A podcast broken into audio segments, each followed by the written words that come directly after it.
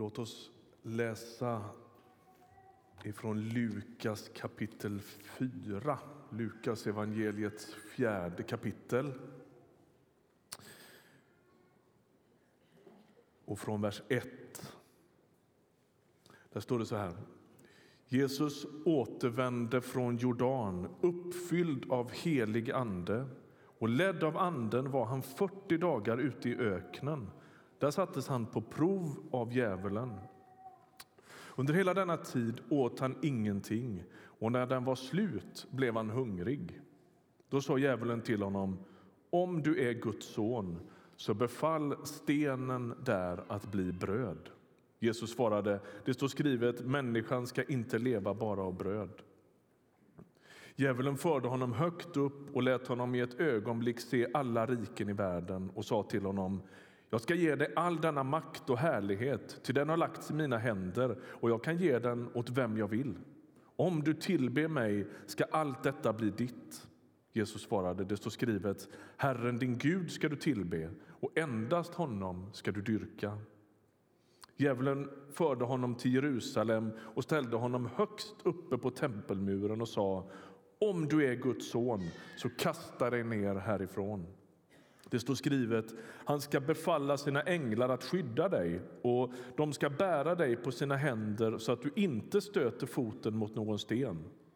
Men Jesus svarade, det heter, du ska inte sätta Herren din Gud på prov. När djävulen hade prövat honom på alla sätt lämnade han honom för en tid. Med Andens kraft inom sig återvände Jesus till Galileen och ryktet om honom spred sig i hela trakten. Inledningen till den här texten är ju ganska märklig. Anden leder Jesus ut i öknen för att frestas av djävulen. Märker du hur det liksom drar åt två håll på samma gång? Vem är det som initierar den här händelsen egentligen? Jag tänker att alla som har erfarit en ökenperiod har ställt sig frågan var kommer detta från? Vem är det som sänder detta? Kan det vara Gud som sänder det här? Hur ska man förstå smärtan? Ni vet hur vi ständigt brottas med den där varför-frågan. Vem har sänt det här och varför sker det? Men dagens text hjälper oss inledningsvis med, eller hjälper oss, den sätter fingret på att smärtans ursprung ofta är ganska oklar. Men det är inte det enda vi hör i början på den här texten. Det finns också en tröst inbakad i det här. Du är inte helt utlämnad till djävulens och ondskans nycker. Anden har en avsikt med prövningen och anden lämnar dig inte i sticket. Är du med? Det är inte så att Jesus först har med anden att göra och sen så plötsligt kommer han till öknen och då är anden inte där. Nej, det är anden som för honom dit. Får vi svar på frågan om smärtans ursprung? Nej, inget tillfredsställande. Men det är som att det är en intrikat väv i det här. Men anden har hela tiden koll på läget. I kapitlet före här, kapitel 3, så har det på två olika sätt slagits fast att Jesus är Guds son. Först har vi Jesu dop, där Fadern det kommer en röst från himlen när Jesus kliver upp ur vattnet som säger Du är min älskade son. Och sen kommer det också en släkttavla i kapitel 3 som är instoppad strax efter som också betonar att Jesus är Guds son. Och Det är lite intressant att när djävulen närmar sig Jesus så är det just om den frågan allting handlar. Jaha, så du kallar det för Guds son? Bevisa att det är sant. Men Jesus verkar inte ha något behov av att göra det. Jesu respons är inte att argumentera med djävulen eller med frestelsen. När vi gör det, när vi argumenterar med frestelsen, förlorar vi varje gång. Varje människa som har kämpat med ett missbruk vet att när man börjar debattera med frestelsen då är det redan kört. Och det, de flesta av oss vet det på andra områden. När vi börjar debattera med frestelsen och föra någon sorts samtal med den, då fäster den. Jesus gör inte det, utan han citerar en bibeltext. Det är ganska o, icke-spektakulärt. Man kan ju tycka att Jesus skulle välja något lite mer um, kraftfullt sätt. Han skulle ju kunna argumentera ner djävulen hur lätt som helst. Han skulle ju kunna använda sin enorma visdom och vishet och klarsyn, insyn i hela gudomens fullhet och platta till djävulen allt vad han orkar. Men han gör inte det, utan han gör något väldigt ospektakulärt. Han citerar en bibeltext från Gamla testamentet. Alla de här citaten han använder i den här berättelsen vi har läst nu är hämtade från femte Mosebok, vilket är Gamla testamentets stora ökenbok. I femte Mosebok är Israels folk i öknen i 40 år. Och i dagens text är Jesus 40 dagar i öknen. Och poängen är och avsikten är att han ska vinna seger där folket har misslyckats. Låt oss titta lite på de här frestelserna. Då. Frestelse nummer ett är ganska logisk. Jag tycker det är, ganska, det är nästan lite, lite, man drar lite på munnen när man läser den här texten. Va? När han hade varit 40 dagar i öknen och inte ätit någonting blev han hungrig. Konstigt. Eh, och då är det intressant, alltså när han blir hungrig, då kommer frestelsen. Då kommer djävulen. Inte så sällan är det så att frestelserna föds i vår brist. När vi saknar något, när vi tycker att vi står på minus, när det är något som har tagits ifrån oss. Då kommer den här smygande tanken eller känslan eller lockelsen på något sätt. Du kanske skulle... För att snabbt mätta och döva den där längtan som du har så svårt att leva med. Stenarna i den här öknen, säger bibelkommentatorerna, de ser ut lite som brödkakor. Och efter 40 dagars hunger är det ju sannolikt så att allt ser ut som brödkakor. Eller hur? När man längtar efter något så är det det enda man tänker på. Då kan man tänka, hade det varit så farligt om Jesus hade förvandlat de där stenarna till bröd. Jesus svar handlar inte om att maten eller kroppen är oviktiga. I Vår Fader, Herrens bön, så ber vi ju om bröd. Så det är inget problem i sig. Problemet har med gudsrelationen att göra. Frestelsen är att frikopplat från relationen och lydnaden till Gud missbruka sin makt och sin förmåga. Vi kommer tillbaka till frestelsernas natur. Den andra frestelsen Djävulen för honom upp på ett högt berg och visar honom alla, hela världen, dess riken och dess härlighet. Och jag tänker Det är många som har släppt in mörkret för betydligt mindre frestelser än så. Han blir lovad alla riken och hela världens härlighet. Man har släppt in mörkret för en otrohetsaffär, en påse pengar lite mer inflytande på jobbet eller ytterligare en heroinspruta. Beroende på vad det är som lockar och drar så har vi släppt in mörkret för betydligt mindre löften än det. Jesu frestelse är på riktigt. Han erbjuds all makt, vilket ju är något som han en dag ska få. Men inte på det sättet. Han kommer att utropa sig som hela tillvarons herre och mästare men inte genom maktallianser med mörkret utan genom att just avstå från sådana tricks. Jesu kallelse och Jesu väg handlar om ödmjukhet, tjänande och om att till sist ge sitt liv. Frestelserna i öknen syftar hela tiden till att dra honom i en annan riktning.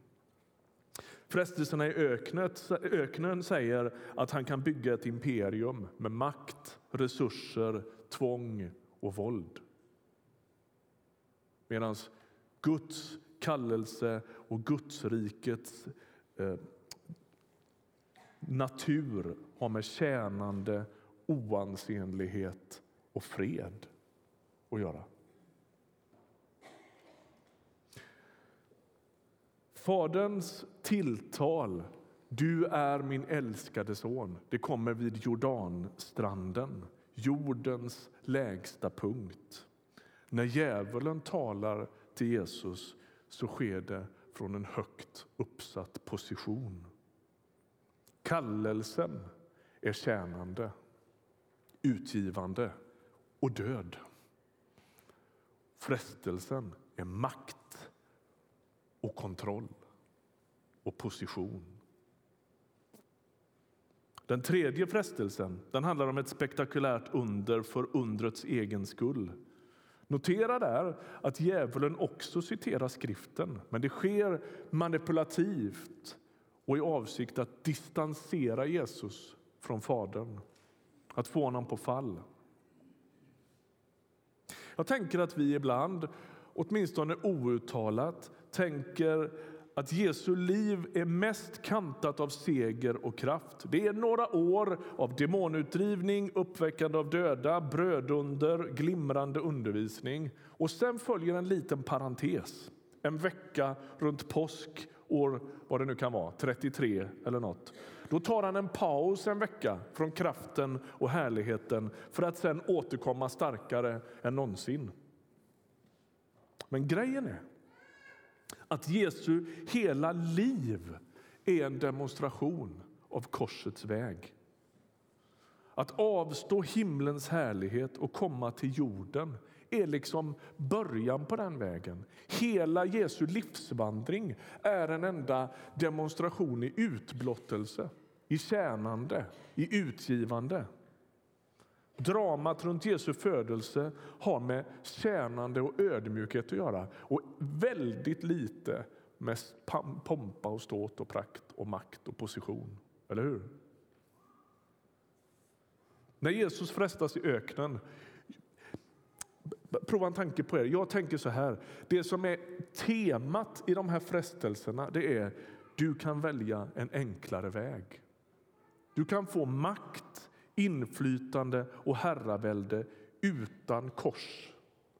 Och Det är själva kärnan i djävulens frestelse. Och Det här verkar faktiskt vara Jesus stora fight genom livet. Hans kamp handlar om att inte väja för korset. Det kommer tillbaka vid flera tillfällen att det verkar vara där det liksom brinner till för honom. Han hör djävulens viskning i alla lockelser bort från korsets väg.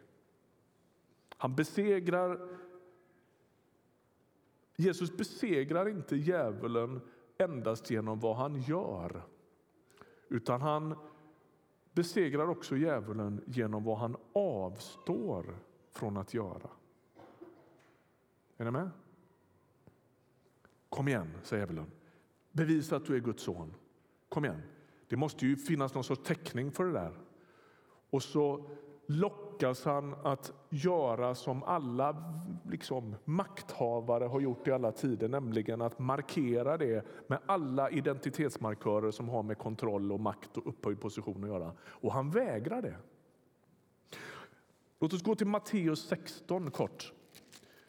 Där har vi en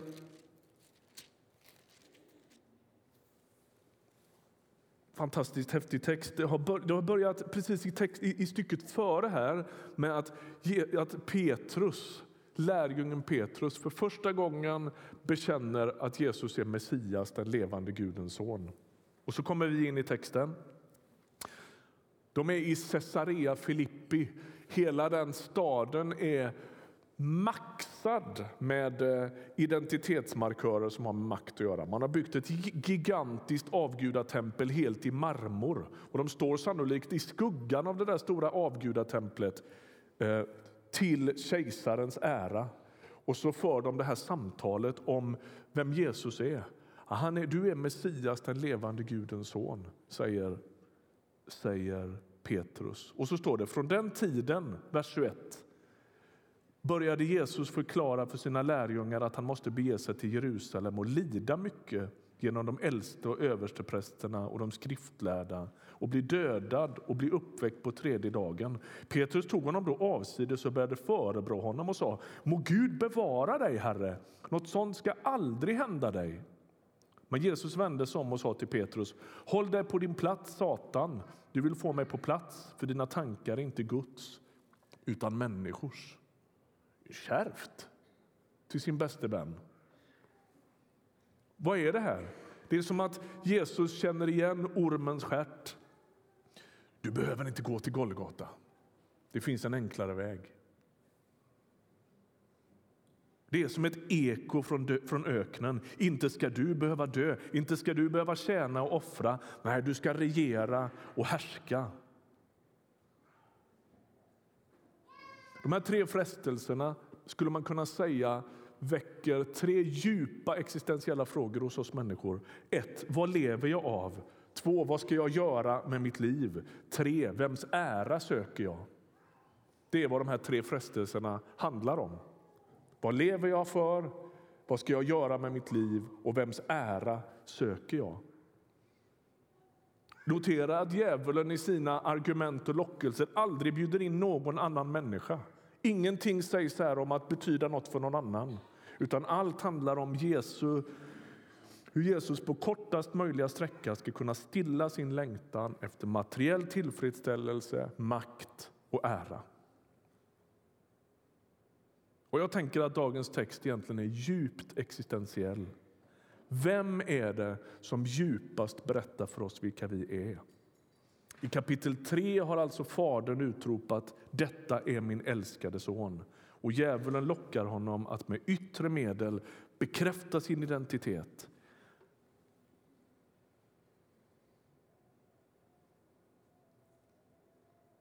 Men Jesus fredar sina gränser. Han behöver inte bevisa någonting. Det är nämligen så att Fadern i dopet har berättat för honom vem han djupast är. Han har inget behov av att jaga efter de där lockelserna. Det står ju i texten här att Jesus fastar. Den stora fastan inför påsken har precis börjat. Och Vi önskar under den här serien försöka stanna vid frågor som berör det här. Det Jesus gör här är att han avstår. En del av lydnaden handlar om vad man inte gör. Varje människa definieras av sitt centrum. Det är det som händer i kapitel 3. Det är som att lodet i Jesu liv sätts på plats när Fadern ropar du är min älskade son. Där fäster det i, i, i, i hans innersta centrum. Men man definieras också av sina gränser. Och om Jesu centrum definieras i kapitel 3 så definieras hans gränser i kapitel 4. Jag är inte beredd att spela på den planhalvan. Jag berättar vem jag är genom vad jag avstår från att göra.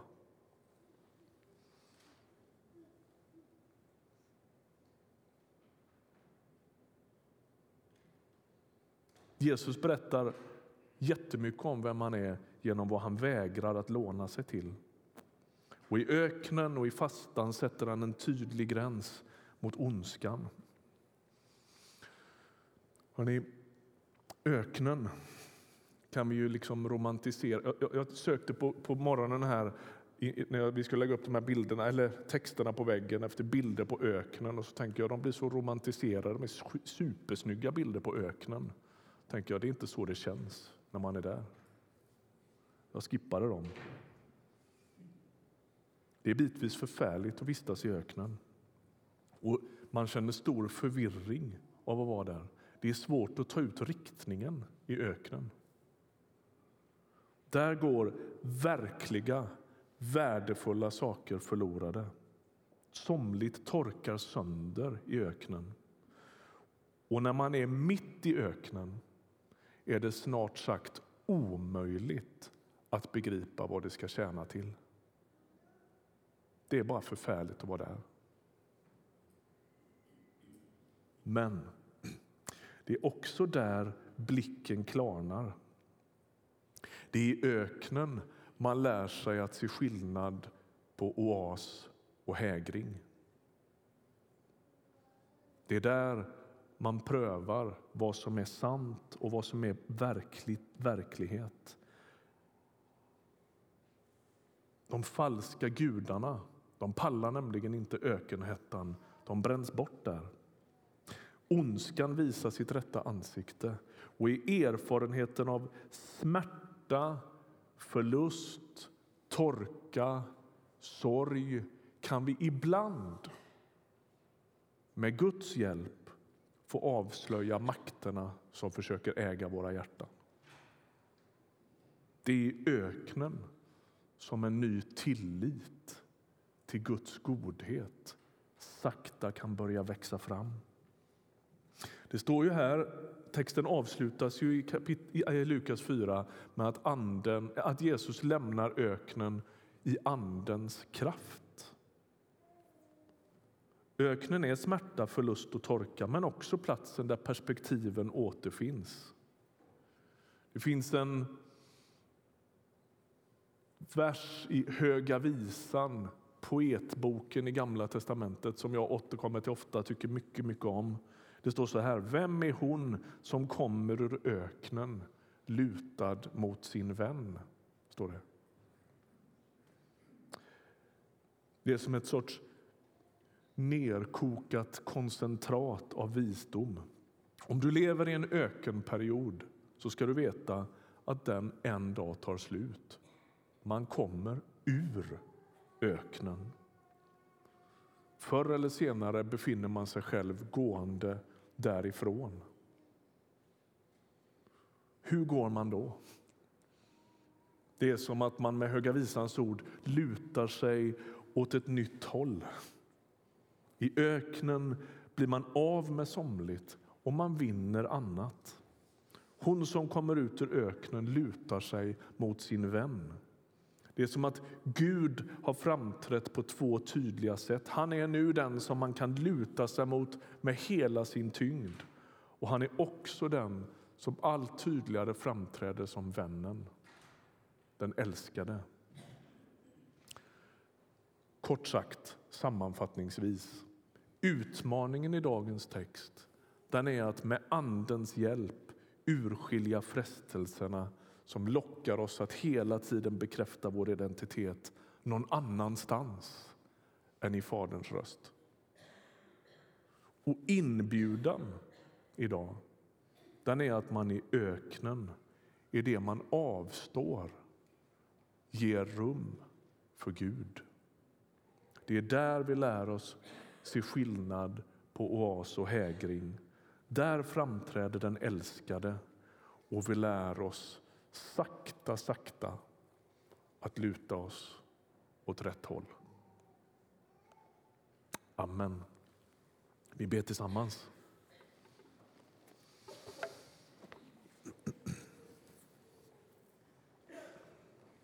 Jesus, tack att du är den verkliga verkligheten. Tack att det sannaste som kan sägas om oss är att vi är dina älskade barn. Tack för vad du har gjort när du i dopet gjorde oss till dina. När du adopterade in oss i din egen familj. Vi ber att få lyssna till dig. Vi ber att få avslöja en del andra röster. Vi ber att få följa tätt i dina spår. Jag vill be särskilt för den idag som känner att man befinner sig just i den där ökenperioden. Kom med din ande. Kom med din närvaro. Kom med din tröst. Kom med ditt hopp. Kom med din uthållighet. Jesus Kristus, vi ber att få följa dig. Vi ber att få gå korsets väg tillsammans med dig. Lägga ner alla maktförstärkare, lägga ner all manipulation, lägga ner allt som eh, eh, hela tiden utifrån ska försöka bygga vårt varumärke. Herre, vi lägger det vid ditt kors. Vi lyssnar till din röst och vi litar på att du djupast är den som berättar för oss vilka vi är. Amen.